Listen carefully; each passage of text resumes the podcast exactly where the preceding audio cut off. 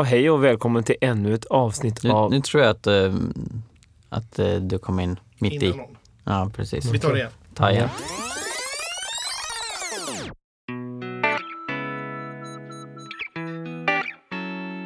Dokumenterade mirakler med Göran Reijestam och Mikael Grenholm.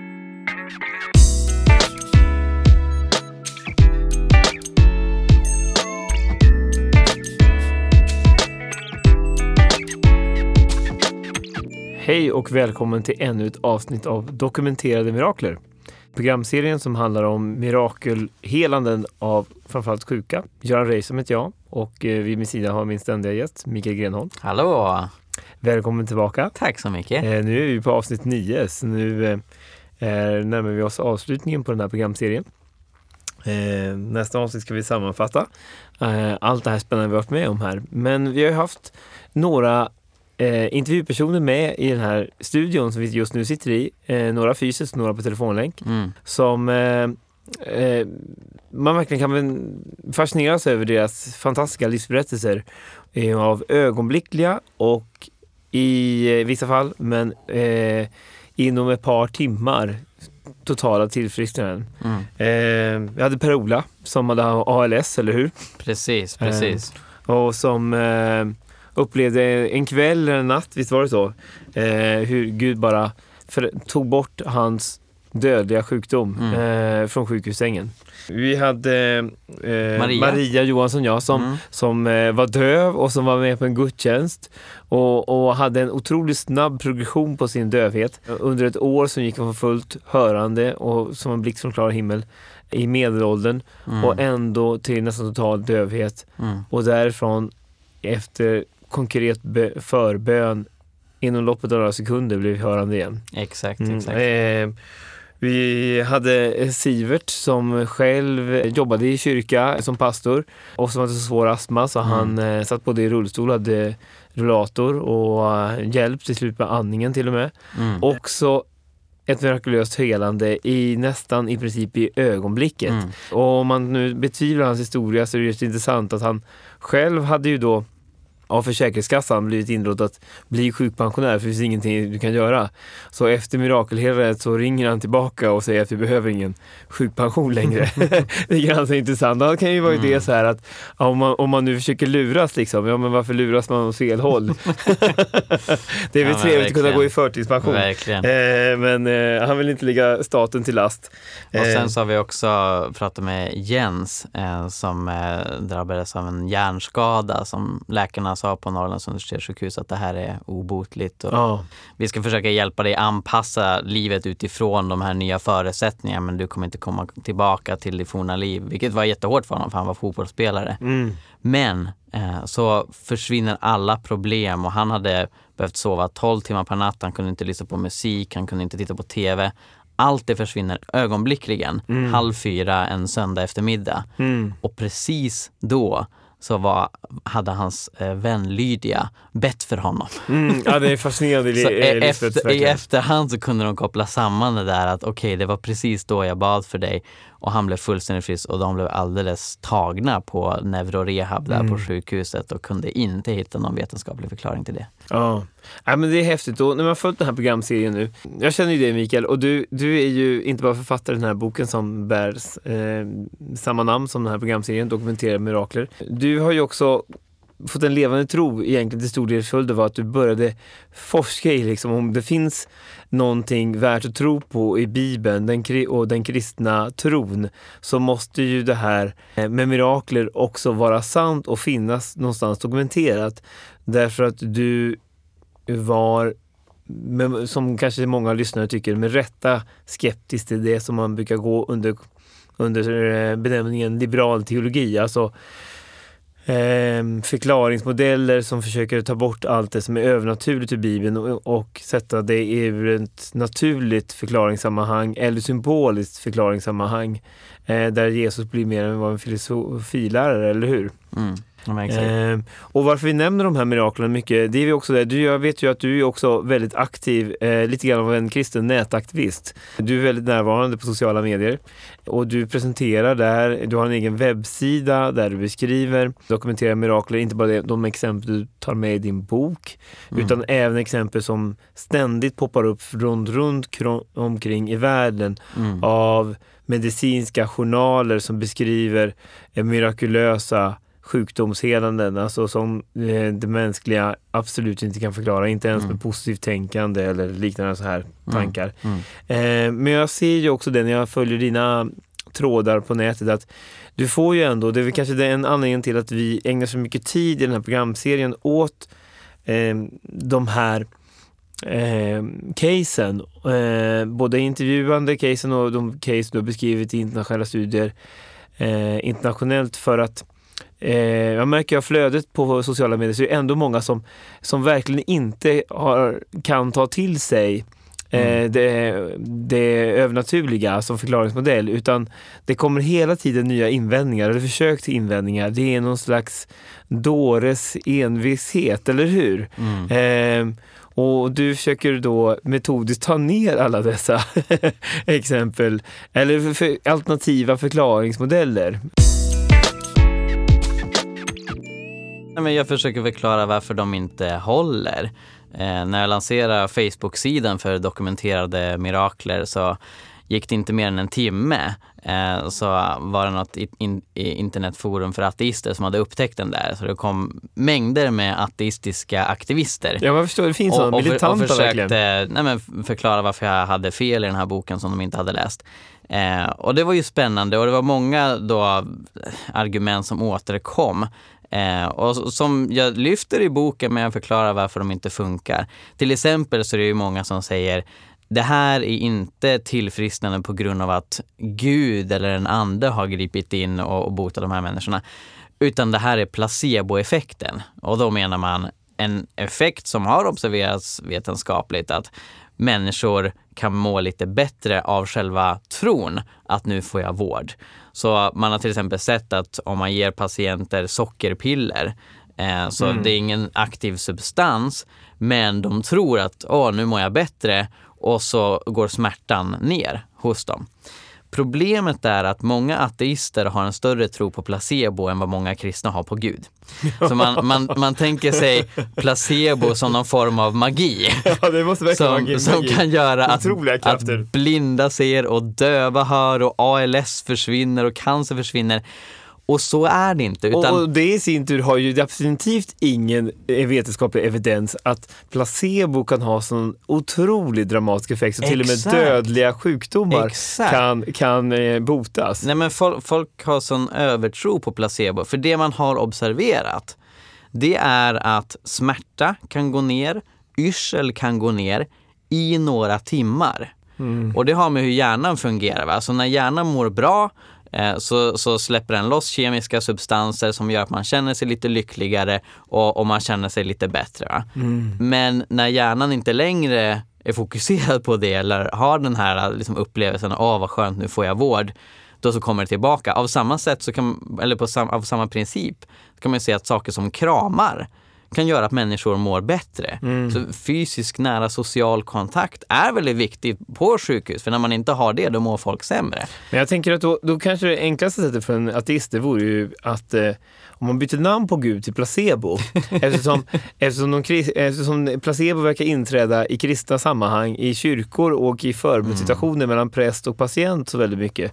Så jag tänker att om man då ber till placebo istället och betraktar placebo som en gud, då kanske det är lite lättare att tro på honom. För det verkar ju vara där, nu raljerar jag förstås här, men det är lite grann så att, att ju natur, det är nästan lite förolämpande mot medicinska vetenskapen att, eh, och också eh, kan man ju tänka sig att det väcker väldigt mycket falska förhoppningar hos Mm. exempelvis ALS-patienter om medicinsk vetenskap skulle få för sig att placebo skulle kunna vara ett botemedel mot ALS. Ja, Eh, det, det är inte som att eller sjuk, sjukvården går ut på att ge sockerpiller åt alla som kommer in. Nej, det, det, skulle väldiga vara, begränsningar. det skulle man nog bli anmäld om man gjorde det. Ja, och, och samma grej gäller ett annat begrepp som ofta återkommer i den här diskussionen och det är spontanremission eller självläkning. Mm. Och det är vanligt man får höra när jag har delat med mig av Voteb som gäller cancer som försvinner efter bön. Då säger folk, nej men det har inte med bönen att göra utan det är en självläkning så kroppen har, har botat sig själv. Problemet med det är att de allra flesta fall av spontanremission som, han, som man har dokumenterat inom läkarvården är oförklarliga. Så man beskriver det som, okej, okay, kroppen har läkt sig själv här, cancern försvann, inte på grund av vården utan av oklar anledning. Ibland så, så kan man se att möjligtvis no, alltså vissa människor har någon ovanlig form av allergi eller immunitet och så vidare. Men det är ganska ovanligt att, att man kan se en tydlig koppling utan oftast när cancer försvinner spårlöst då vet man inte vad det beror på. Och så stämplas det som spontanremission även när det har varit bön involverat. Ja, så, det råkar bara slumpen göra det inte för, för vid samma tillfälle. Ja men precis, så, så forskaren Craig Keener som också har skrivit mycket om mirakler, han ger exempel på när människor har blivit friska efter bön och läkaren tittar på det här. Men i journalen så skriver de ingenting om bönen eller liksom att tillfrisknandet skedde i samband med gudstjänst.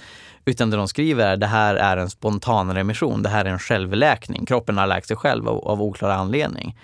Och Keener poängterar att det blir sen ett problem för sen då om nästa person som upplever ett sånt här tillfrisknande efter bön går till sin läkare och så tittar läkaren, okej okay, finns det liknande fall? Ja men där, där var det något annat fall när det här var en självläkning.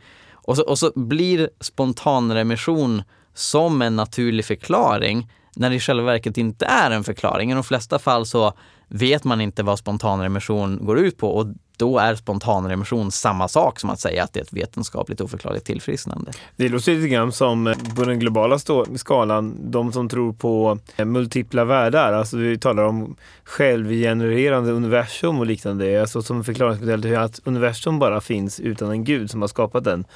Alltså man bara hänvisar till, som Richard Dawkins gör bland annat, att eh, man kan tänka sig att att materia och universum är någonting som genererar sig själv alltså, och därmed kan finnas i multipel form. Varför då? Det behöver man liksom inte svara på utan det bara händer. Att, ja. att, att universum är så funkat. Nej men eh. precis, och det tycker jag är intressant när en sån här benhård ateism och naturalism som verkligen har bestämt sig för att mirakler sker inte. Den måste väldigt ofta ha någon form av tro på magi i mm, praktiken ja, ja, ja. för att den ska funka. Och det, och det pekar på hur, hur ohållbar den är.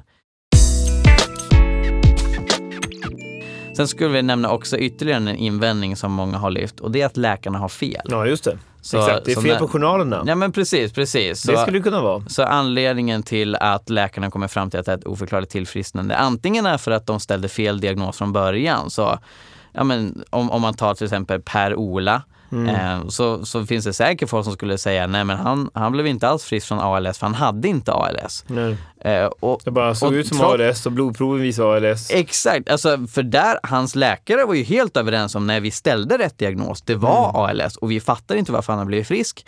Men då kan en skeptiker invända, nej men ni har gjort fel. Mm. Eller att, att läkarna gör fel när de friskförklarar.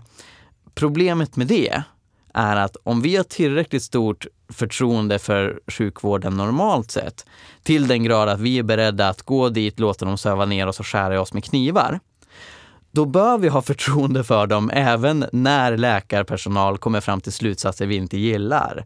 Mm. Och en del skeptiker har ju då problem med slutsatsen att något oförklarligt har skett efter bön. Grejen är att visst, läkare är människor, läkare kan göra fel. Men de flesta feldiagnoser som ställs de ställs ju i vardagssituationer, man undersöker symptom lite för snabbt. Ah, nej men du har nog det här. Och sen visar det sig efteråt, nej men det var ett misstag, vi, vi undersökte det lite för snabbt. Att komma fram till att det har skett ett oförklarligt tillfrisknande är något av en pinsam slutsats för en läkare att dra. Det är inte det första man vill hoppa till, liksom att ah, jag fattar inte vad som har hänt. Utan det har ju alltid föregått av att man tittat på många olika alternativ. Man har undersökt det här fallet noggrant. Så jag skulle säga att Voteb är mycket mer välundersökta än de allra flesta vardagsdiagnoser som ställs. Så sannolikheten att de skulle vara fel är mycket mindre än en normal diagnos vi får från läkare. Och det är sådana diagnoser som, som vi baserar vårt förtroende för när vi själva går till sjukvården, när vi själva litar på den medicinska forskningen är korrekt. Mm. Så har vi förtroende för att nej, men läkare är inte dumma i huvudet. De, de begriper faktiskt vad de håller på med. Nej, och det är flera av de här eh, eh, exempel som vi nämner här också som eh, Per-Ola och eh, eh, även Sivert då. Alltså de svarar ju på, de får ju medicinering kopplat till den diagnosen. Mm. Och, och kroppen svarar som förväntat på den medicineringen. Exakt. Eh, jag har en nära anhörig exempelvis som har Parkinson. Mm. Eh, och jag har flera vänner. Jag har bland annat vän med en eh, ganska ung person i USA. Hon har faktiskt rekordet i att vara den yngsta i USAs dokumenterade historia som, att få Parkinson. Eh, Extremt svår Parkinson. Och hon tar väldigt höga doser dopamin som de, som de flesta då med Parkinson-patienter måste göra. Mm. Och jag blev lärd av henne då, för hon eh, lever och, ja, har hälsa men, men lever med den sjukdomen och har levat den sedan barndomen som sagt. Eh, Och även från min andra nära anhörig att eh, för en vanlig person om man skulle ta Parkinson-medicin Mm. så ja, i större doser, du dör för att du dopamin, du får gärna få en överdos av dopamin enkelt som vi naturligt producerar dopamin som vi som inte har Parkinson. Så du skulle omedelbart dö.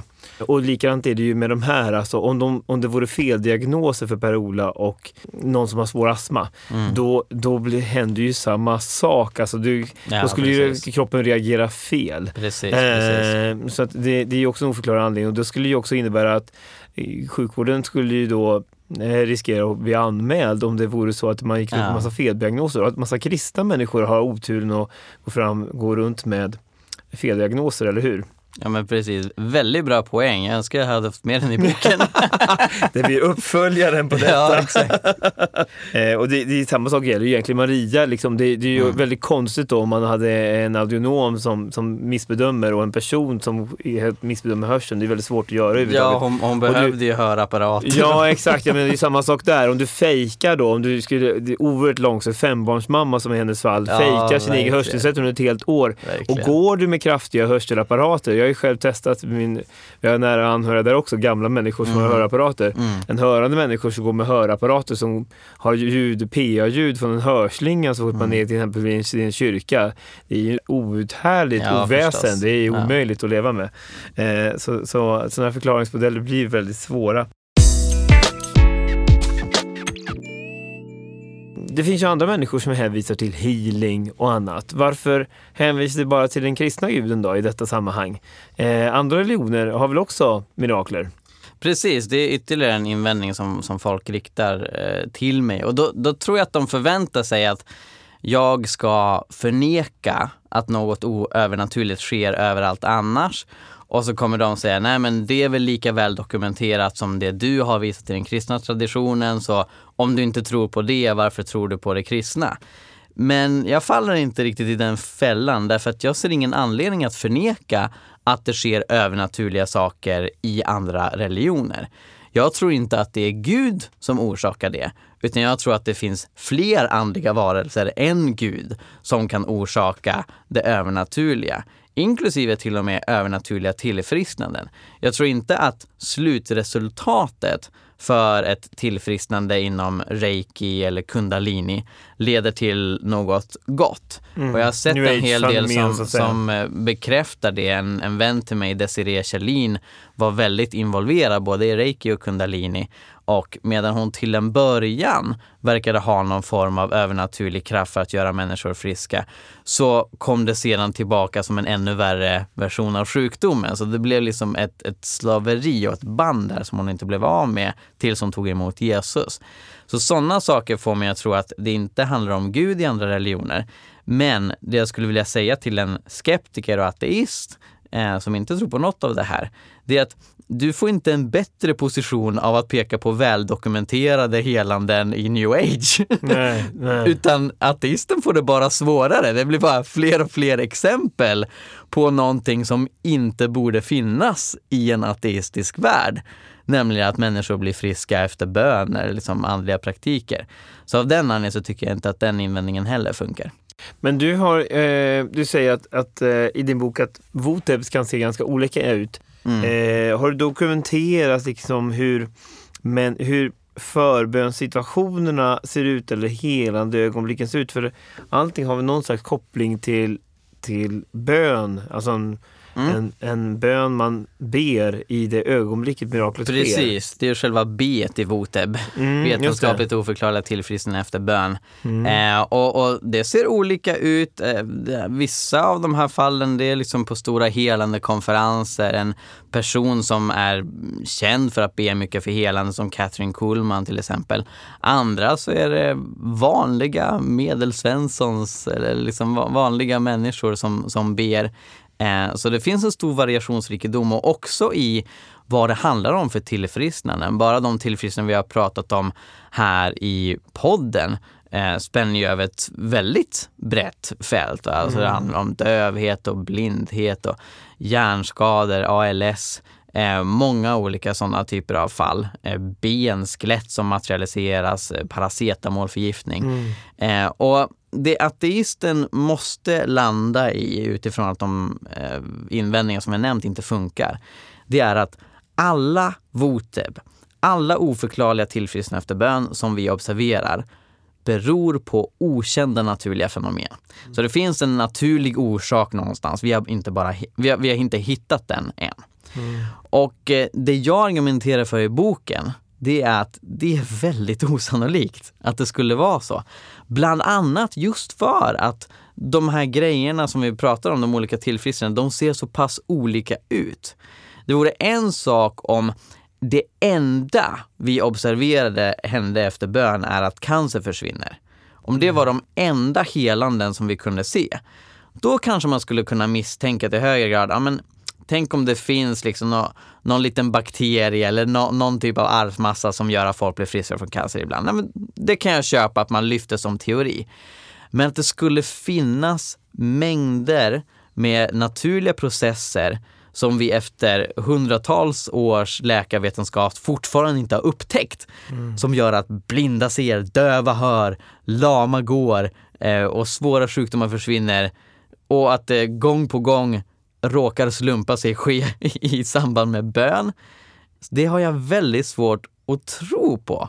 Eh, och inte bara för att jag är kristen och pastor utan när jag försöker titta på det här objektivt och kliver ur mina, mina egna skor och försöker titta hur, hur tänker någon som är agnostisk, någon som inte vet, någon som inte har bestämt sig.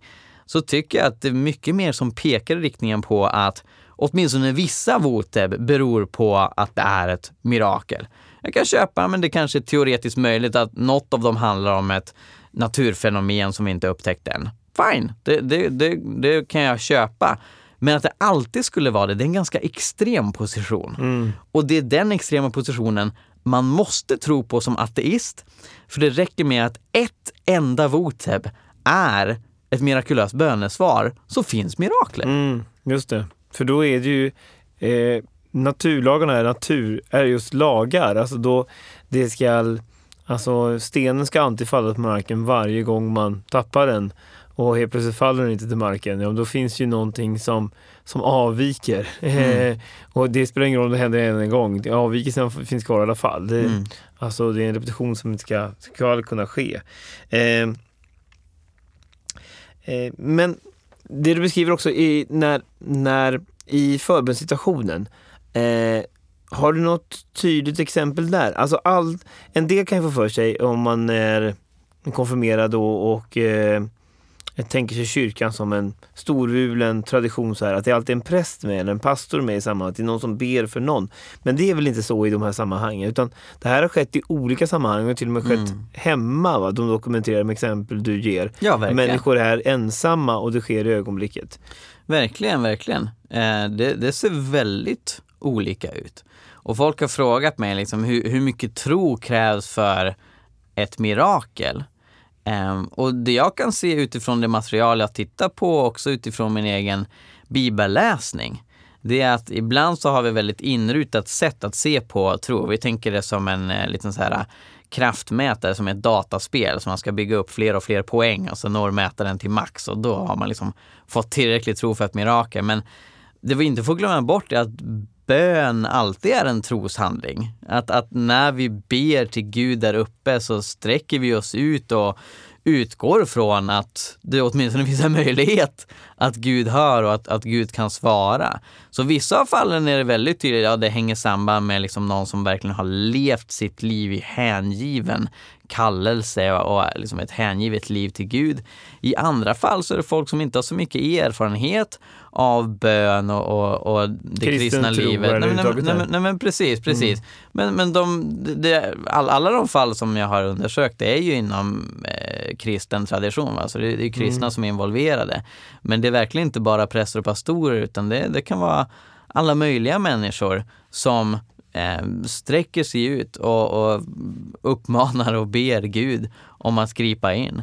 Och det här är väl en bra sak för den lyssnare som tänker nu eh, så här, ja men det här säger kristna för att det är ett geschäft kring detta. Det är eh, non business, det finns stora amerikanska tv-pastorer som, som marknadsför sig själva och som ber för sjuka och blir, får massa personer helande och tjänar pengar på att tjäna böcker och eh, eh sådana tv-program och så vidare. Men Eh, och för det är också en sinnebild som många svenskar har av den sortens eh, mirakeltroende kristna. Men dina exempel visar ju på det här, vilket ju också, jag vet ju vad du kommer svara, eh, är ju eh, tydlig anknytning till Bibeln. Att det krävs, vilket är empiriskt bevisat här också, inte någon fantastisk pastor, välkänt namn för att ett mirakel ska ske som ber för dig. Utan det här har hänt människor i hemmiljö var som helst, hur som helst. Eh, eller hur? Ja men verkligen, verkligen. Så jag vill verkligen uppmuntra de som lyssnar på det här att be. Och bön behöver inte vara något komplicerat. Bön är att vi samtalar med Gud. Bön är som att vi pratar med vem som helst. Va? Eh, att vi riktar tanken till Gud och, och uppmanar honom och, och, och samtalar med honom om att möta oss där vi är. Eh, Det är väldigt enkelt, det är helt gratis, det finns ständig uppkoppling. Man kan alltid be. Va? Och, och, och det är någonting som, som vi verkligen behöver bli bättre på i Sverige. Eh, för det är så ofta som vi är så vana vid att vi kan fixa allting själva eller att välfärdssamhället kan fixa allt åt oss. Men vi är bräckliga allihopa, alla är vi dödliga, alla kan vi drabbas av olika, olika problem. Eh, så att be är verkligen någonting som man bör göra. Och det som är så fantastiskt, eh, som jag försöker visa i, i boken och i det här eh, programmet, det är just att det finns riktiga belägg för att det här funkar. Det, det jag försöker presentera det är konkreta bevis för bönesvar. Eh, och sen är det inte alltid man får bönesvar eller att man får det bönesvar man har tänkt sig. Det är inte alla som blir helade till exempel. Men det finns många exempel på människor som faktiskt blir oförklarligt friska efter bön. Och jag tycker som sagt att hävda att det aldrig skulle egentligen ha med bön att göra, att det skulle finnas massa dolda na- naturliga fenomen som förklarar det här. Det är väldigt osannolikt. Eh, Jag kan inte se liksom, som en rationellt tänkande människa va- varför jag skulle liksom satsa mina kort på, på, Mm, på den, mm, den hållningen. Utan jag tycker att det rimliga och förnuftiga är att säga nej men mirakler är en del av verkligheten. Eh, Och det är där existensen av Vote bör föra oss allihopa när vi ser att det finns massa exempel på, på människor som blir oförklarligt friska efter bön och det rimligaste är att bönen fungerar. Ja, då har vi en gemensam grund allihopa för en större ödmjukhet för re- religion överhuvudtaget. Men också personligen och existentiellt, att vi försöker söka Gud, att vi själv ber, eh, knyter kontakt med andra som känner Gud och, och så tillsammans så bygger vi vår relation med honom. För jag menar, det här är ju fantastiskt. Mm. Det finns en skapare för universum som svarar på våra böner, som bryr sig om vår hälsa. Mm. Och det är sant, det är inte bara liksom en saga utan det är, det är verkligen på riktigt. Ja, ja och, och det sätter ju den svenska sekularismen i en kontext också att det här, det här är inget konstigt i många andra länder. I Mm. Nordamerika, Sydamerika, stora delar av Asien och i Afrika så, så tror man på det här och ser inget konstigt i att det övernaturliga finns och det finns många kristna och kristna eh, eller icke-kristna kan förvänta sig att ja, men, mirakel är någonting som man hör om ganska regelbundet. Det är inte bara långt bort i stan men eftersom vi är så marinerande i sekulära kontexter så har det varit skillnad i Sverige. Mm. Det här enkla du just beskriver. Mm. Eh, I det sista programmet ska vi ta upp då eh, det största miraklet, eller hur? Det- Det här Jajamän. leder ju fram till någonting. Inte bara, Ja. miraklet sker inte bara som en slags Guds fyrverkeri, utan det finns en anledning. Eller hur? Precis, Och- precis. Så det ska vi ta som eh, ämne i det absolut sista programmet i den här tio avsnitt långa serien. Tack så mycket Mikael för idag och eh, välkommen tillbaka Tack så mycket gång. Göran. Tack.